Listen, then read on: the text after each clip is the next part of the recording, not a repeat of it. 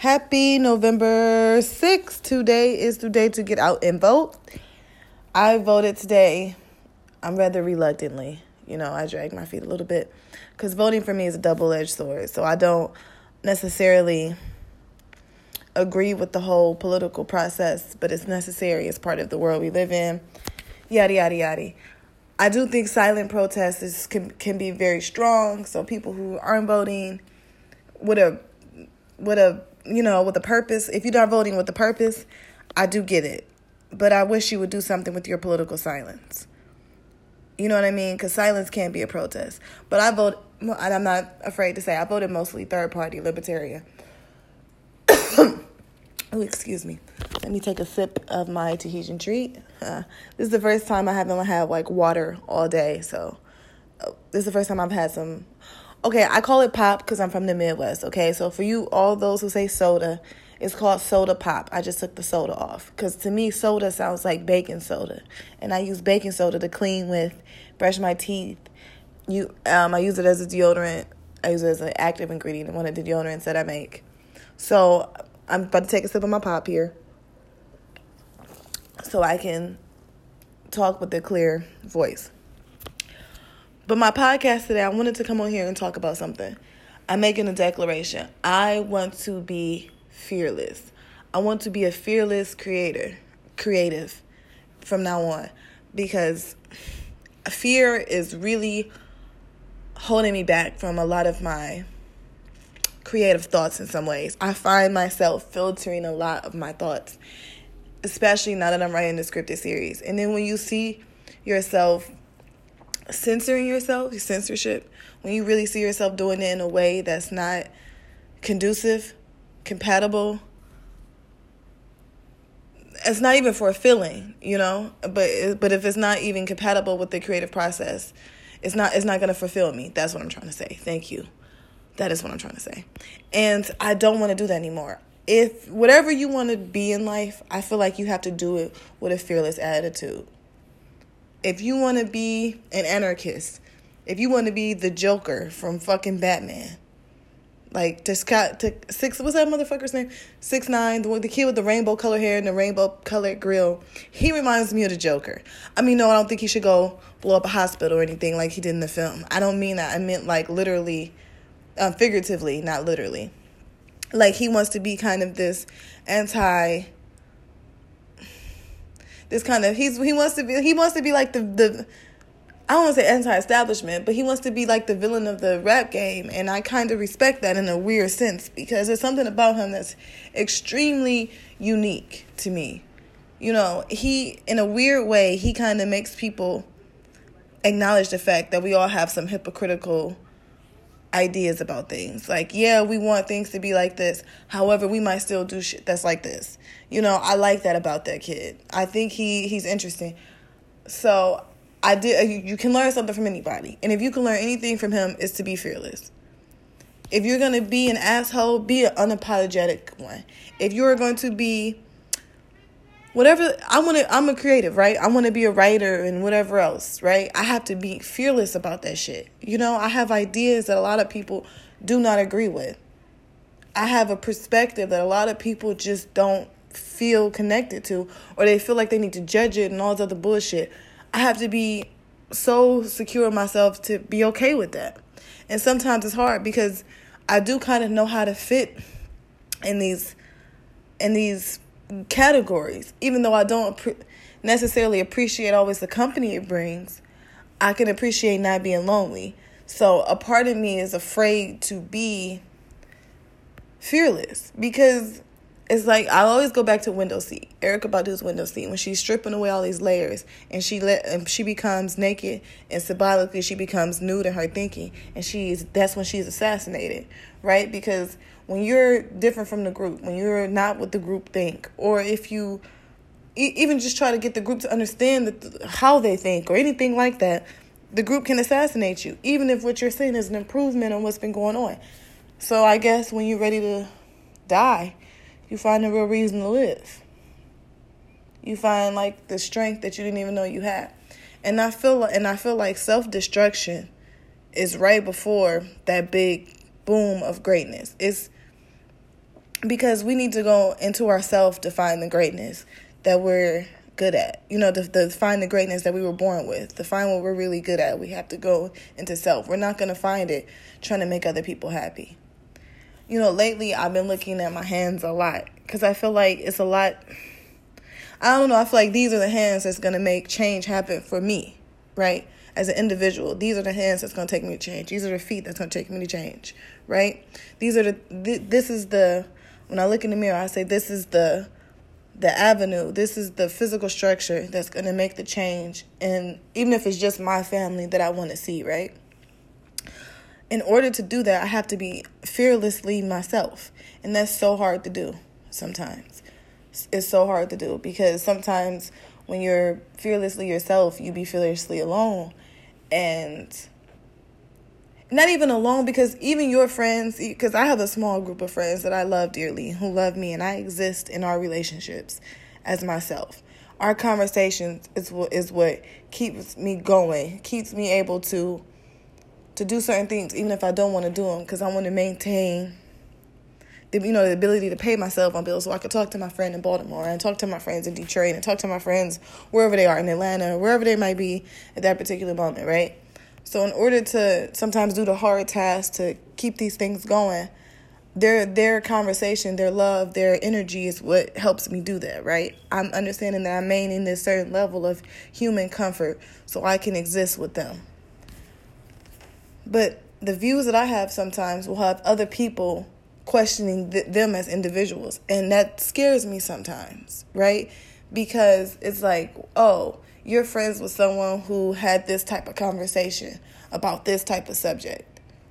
You know, how can you talk to somebody like this? How can you even follow them on Facebook? Like I had so many people on Facebook before like threaten to like unfollow me or threaten to block me or threaten to like that mean you know like that's supposed to mean something to me. Like clearly, if you seeing some shit that I post on Facebook is bothering you that much, the shit that you believe in is is is is a house of cards. If one thing, if one card is moved, then the whole shit falls down. Your your principles are paper thin. That's not on me. But you want to get mad at me for the fact that I had you reflecting on that. That's where my perspective lives a lot of times, and I can't be afraid of that energy. And the reason why I come on here and record a lot of my personal thoughts like this is because it holds me accountable.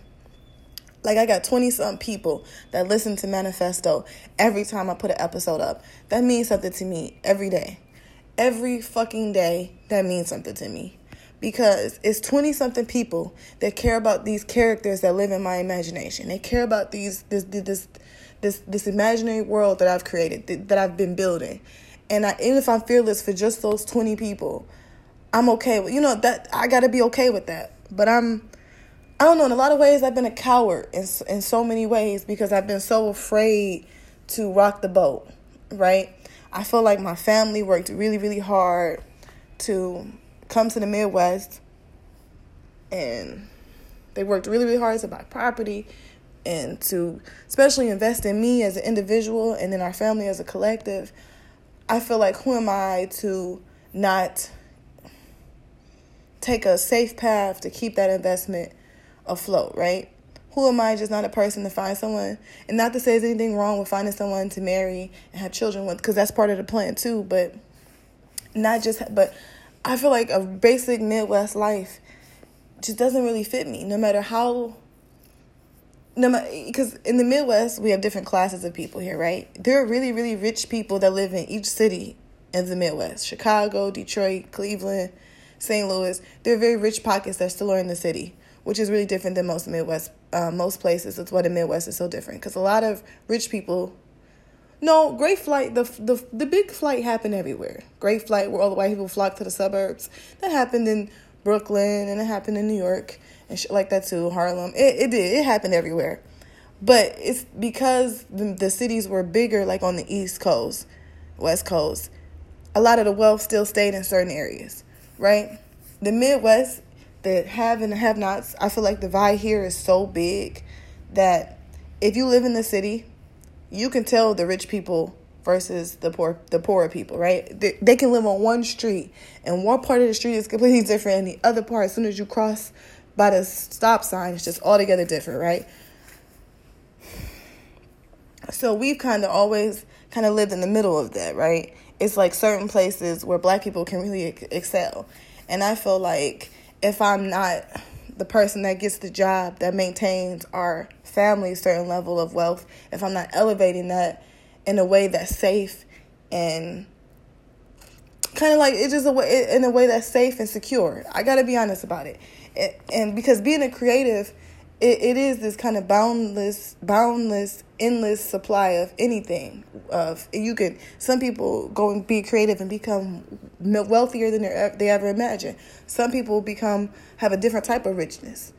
You know they they find just existing good enough because they found the things material things really don't matter right?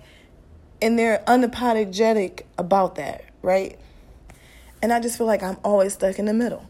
I'm not like an adventurous enough to go and just find my creative space in that way, right? Like being like this poor person, like the Tyler Perry or Lee Daniels story, where they're sacrificing so much for their art that they both end up like homeless and, you know, only thing they have is their craft to keep them going. You know what I mean? That's a fearless attitude to do that, right?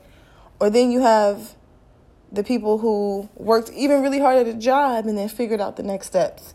You know, the say not to say that that's a safe way to do it, but that's kind of the way of the Midwest. You know, you find you a good job and you be content with that. You know, you be content with the life you make for your children and things like that, right? But my issue is I and I, like I said, I'm too scared to even commit to that. Like I'm too scared to try to be the best at just that that I can be. Like I just I'm stuck in the middle. I'm never it's like I'm never gonna go forward and I never even could go backwards. It's just it's like I'm always in the middle.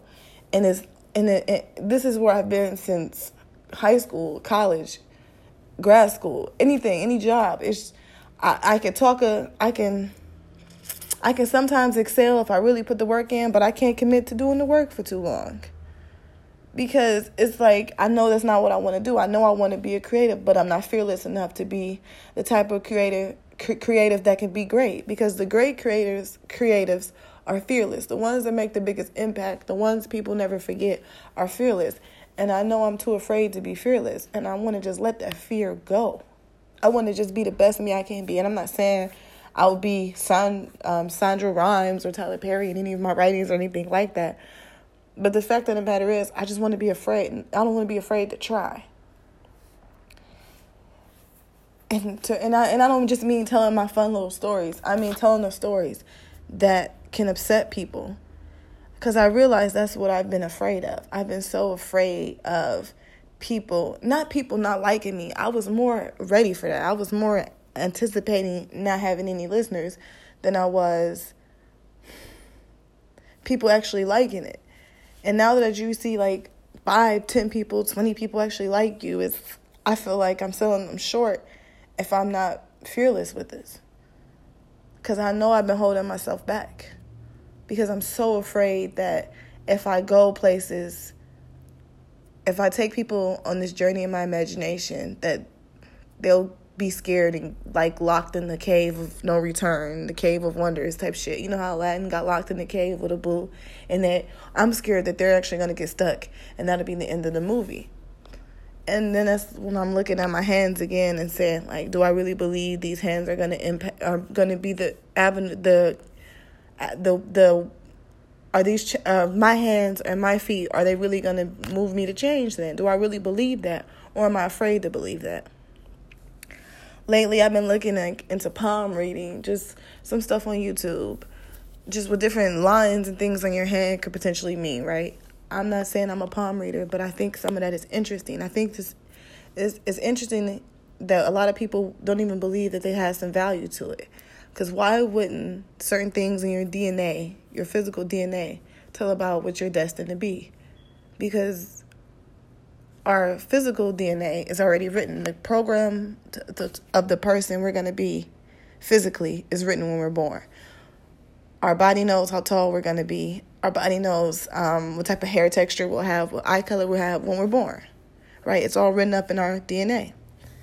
And so I'm looking at my feet, my hands, my legs, all of these things, and a lot of and we all know through acupuncture, certain massages on your feet and all these other things, your feet can help control your internal organs. That's why they tell pregnant women not to get foot massages. So if, if my hands and feet are connected to all my organs and to all of these things in my body, why couldn't my hands be an indication? Why isn't my hands be an indication of what I'm capable of? So some of the things I learned about my hands is that I'm capable of creativity. Like creativity just keeps coming up around me. And I realized that one of the reasons I've never reached my creative peak until I, first of all, I haven't explored really my creativity until my late 20s, and I'm 30 now. And one of the reasons I hadn't even hit a creative peak until I'm 30 is because I've been afraid to. And I feel like I'm rambling on about this, but fear has been really holding me back, and I'm trying to not be so much of a coward. Because being a half hero is not quite it, you know? people wouldn't remember Hercules' legendary journey if he was like a hero only on the weekends. You know, you have to be fearless every day. And I'll and most of the time I'm only fearless maybe 2 or 3 days of the week. I want to be fearless every single day. I want to be fearless in my creative process every single time I create and I'm not. It, I'm I'm holding myself back because of the opinions of other people. Because that shit has affected me. When people say shit like, I don't like you because you think this way. As much as I want to say, I got these witty, witty remarks to go back and these reads that I've come to love and know that I do with people if they got too fresh with me. Um, ooh, fresh, that's an old word. I, I, I love slang from the 90s, so you'll hear that in my speech patterns all the time. And I'll even take it back to the 80s some days, depending on when I'm watching. But um, you know, I, I got these reads and things for them, but that also became a defense mechanism. So a lot of ways it still was protecting the coward in me. You know, I couldn't just let my opinion stand without defending it because def- without defending my opinion, I realized be definitely becoming friends with certain people, um, building stronger friendships with certain people. I realized I don't need people to defend me. I need people to understand me. I need people's understandings. I don't need your your defending nature. I don't need that as much because how I feel doesn't need to be defended. No one needs to be defended. People, we all need understanding. We all don't have to agree. We need to, we need to just respect one another. But I, I gotta be fearless enough to do this without the respect. Harriet Tubman had the respect of any, any slave owner, slave nothing, at the time of her freeing these slaves. But in a lot of ways, she has the respect of their grandchildren in some ways. She always had the respect of black people, let's just say that. But the respect of the society is what I'm saying, because that's what I mean. Because do, do their great grandchildren and grandchildren really respect her? I don't know, because she's still not even on the $20 bill. So I, I say that with a, in a very generalized, patriotic view of Harriet Tubman, because clearly we know that white privilege is very real. And that's why a lot of the our black leaders don't get the respect that they deserve. But you all saw my point, hopefully. I don't know. I just I had to come on here and talk about fear because I know it's holding me back and I don't want to be afraid anymore. I don't want to be a coward. But the coward, you know, it was something about the coward position that I always respected in a weird way because the coward tell you how the hero died. The coward is like the storyteller. They run back and can tell you exactly what happened. So remember in the movie 300, not that that guy was a coward. He lost the eye. He was a good storyteller, and a good leader knows the story needs to live on. So he sent him home to tell about the Great 300. However, little cowardess, in a in a sense. But I, but in another thing, I'm afraid to even tell the perspective of the coward. I'm afraid to call the coward the coward. Instead, I want to call him the storyteller. You know what I mean? I don't want to hold myself back anymore. And fear is a good way to hold yourself back is by being afraid of what you're capable of. I remember in the movie Coach Carter, Samuel L. kept asking the kids, like, what is your greatest fear? And then finally they explained the rest of the quote, my greatest fear is not that I am that not that I am inadequate, is that I'm powerful beyond belief. And I, and that's so real. Like why am I afraid of myself? What am I so afraid of?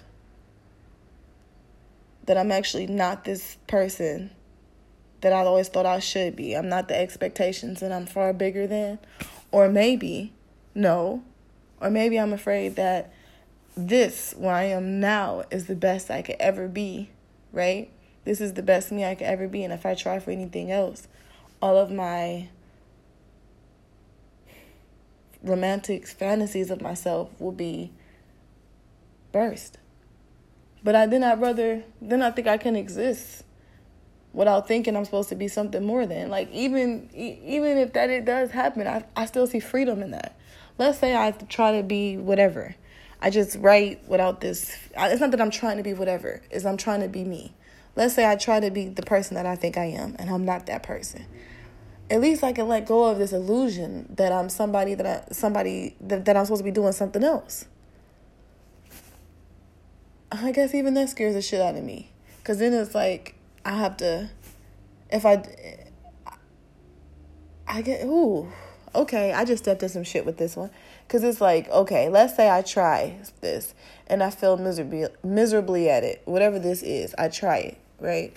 I feel miserably at it. And that's the fantasy of who I wanted to be my entire childhood, my my entire adolescence and young adulthood. I'm afraid that then I won't even know what to strive for next, what goal to create. I'm afraid that if I let go of this fantasy of me, if I try it and it doesn't work and I'll have to let go of this fantasy of me, that without the fantasy, I still won't find whatever it is I'm looking for. God damn, that is scary. Hmm. I guess I'm ready to be scared then. I'm ready to go down to the basement and see what's down there. You know, I'm ready to look under the bed and see if it's really monsters or in the closet, see if it's really monsters. Because I don't know, something's just, I'm just ready to try.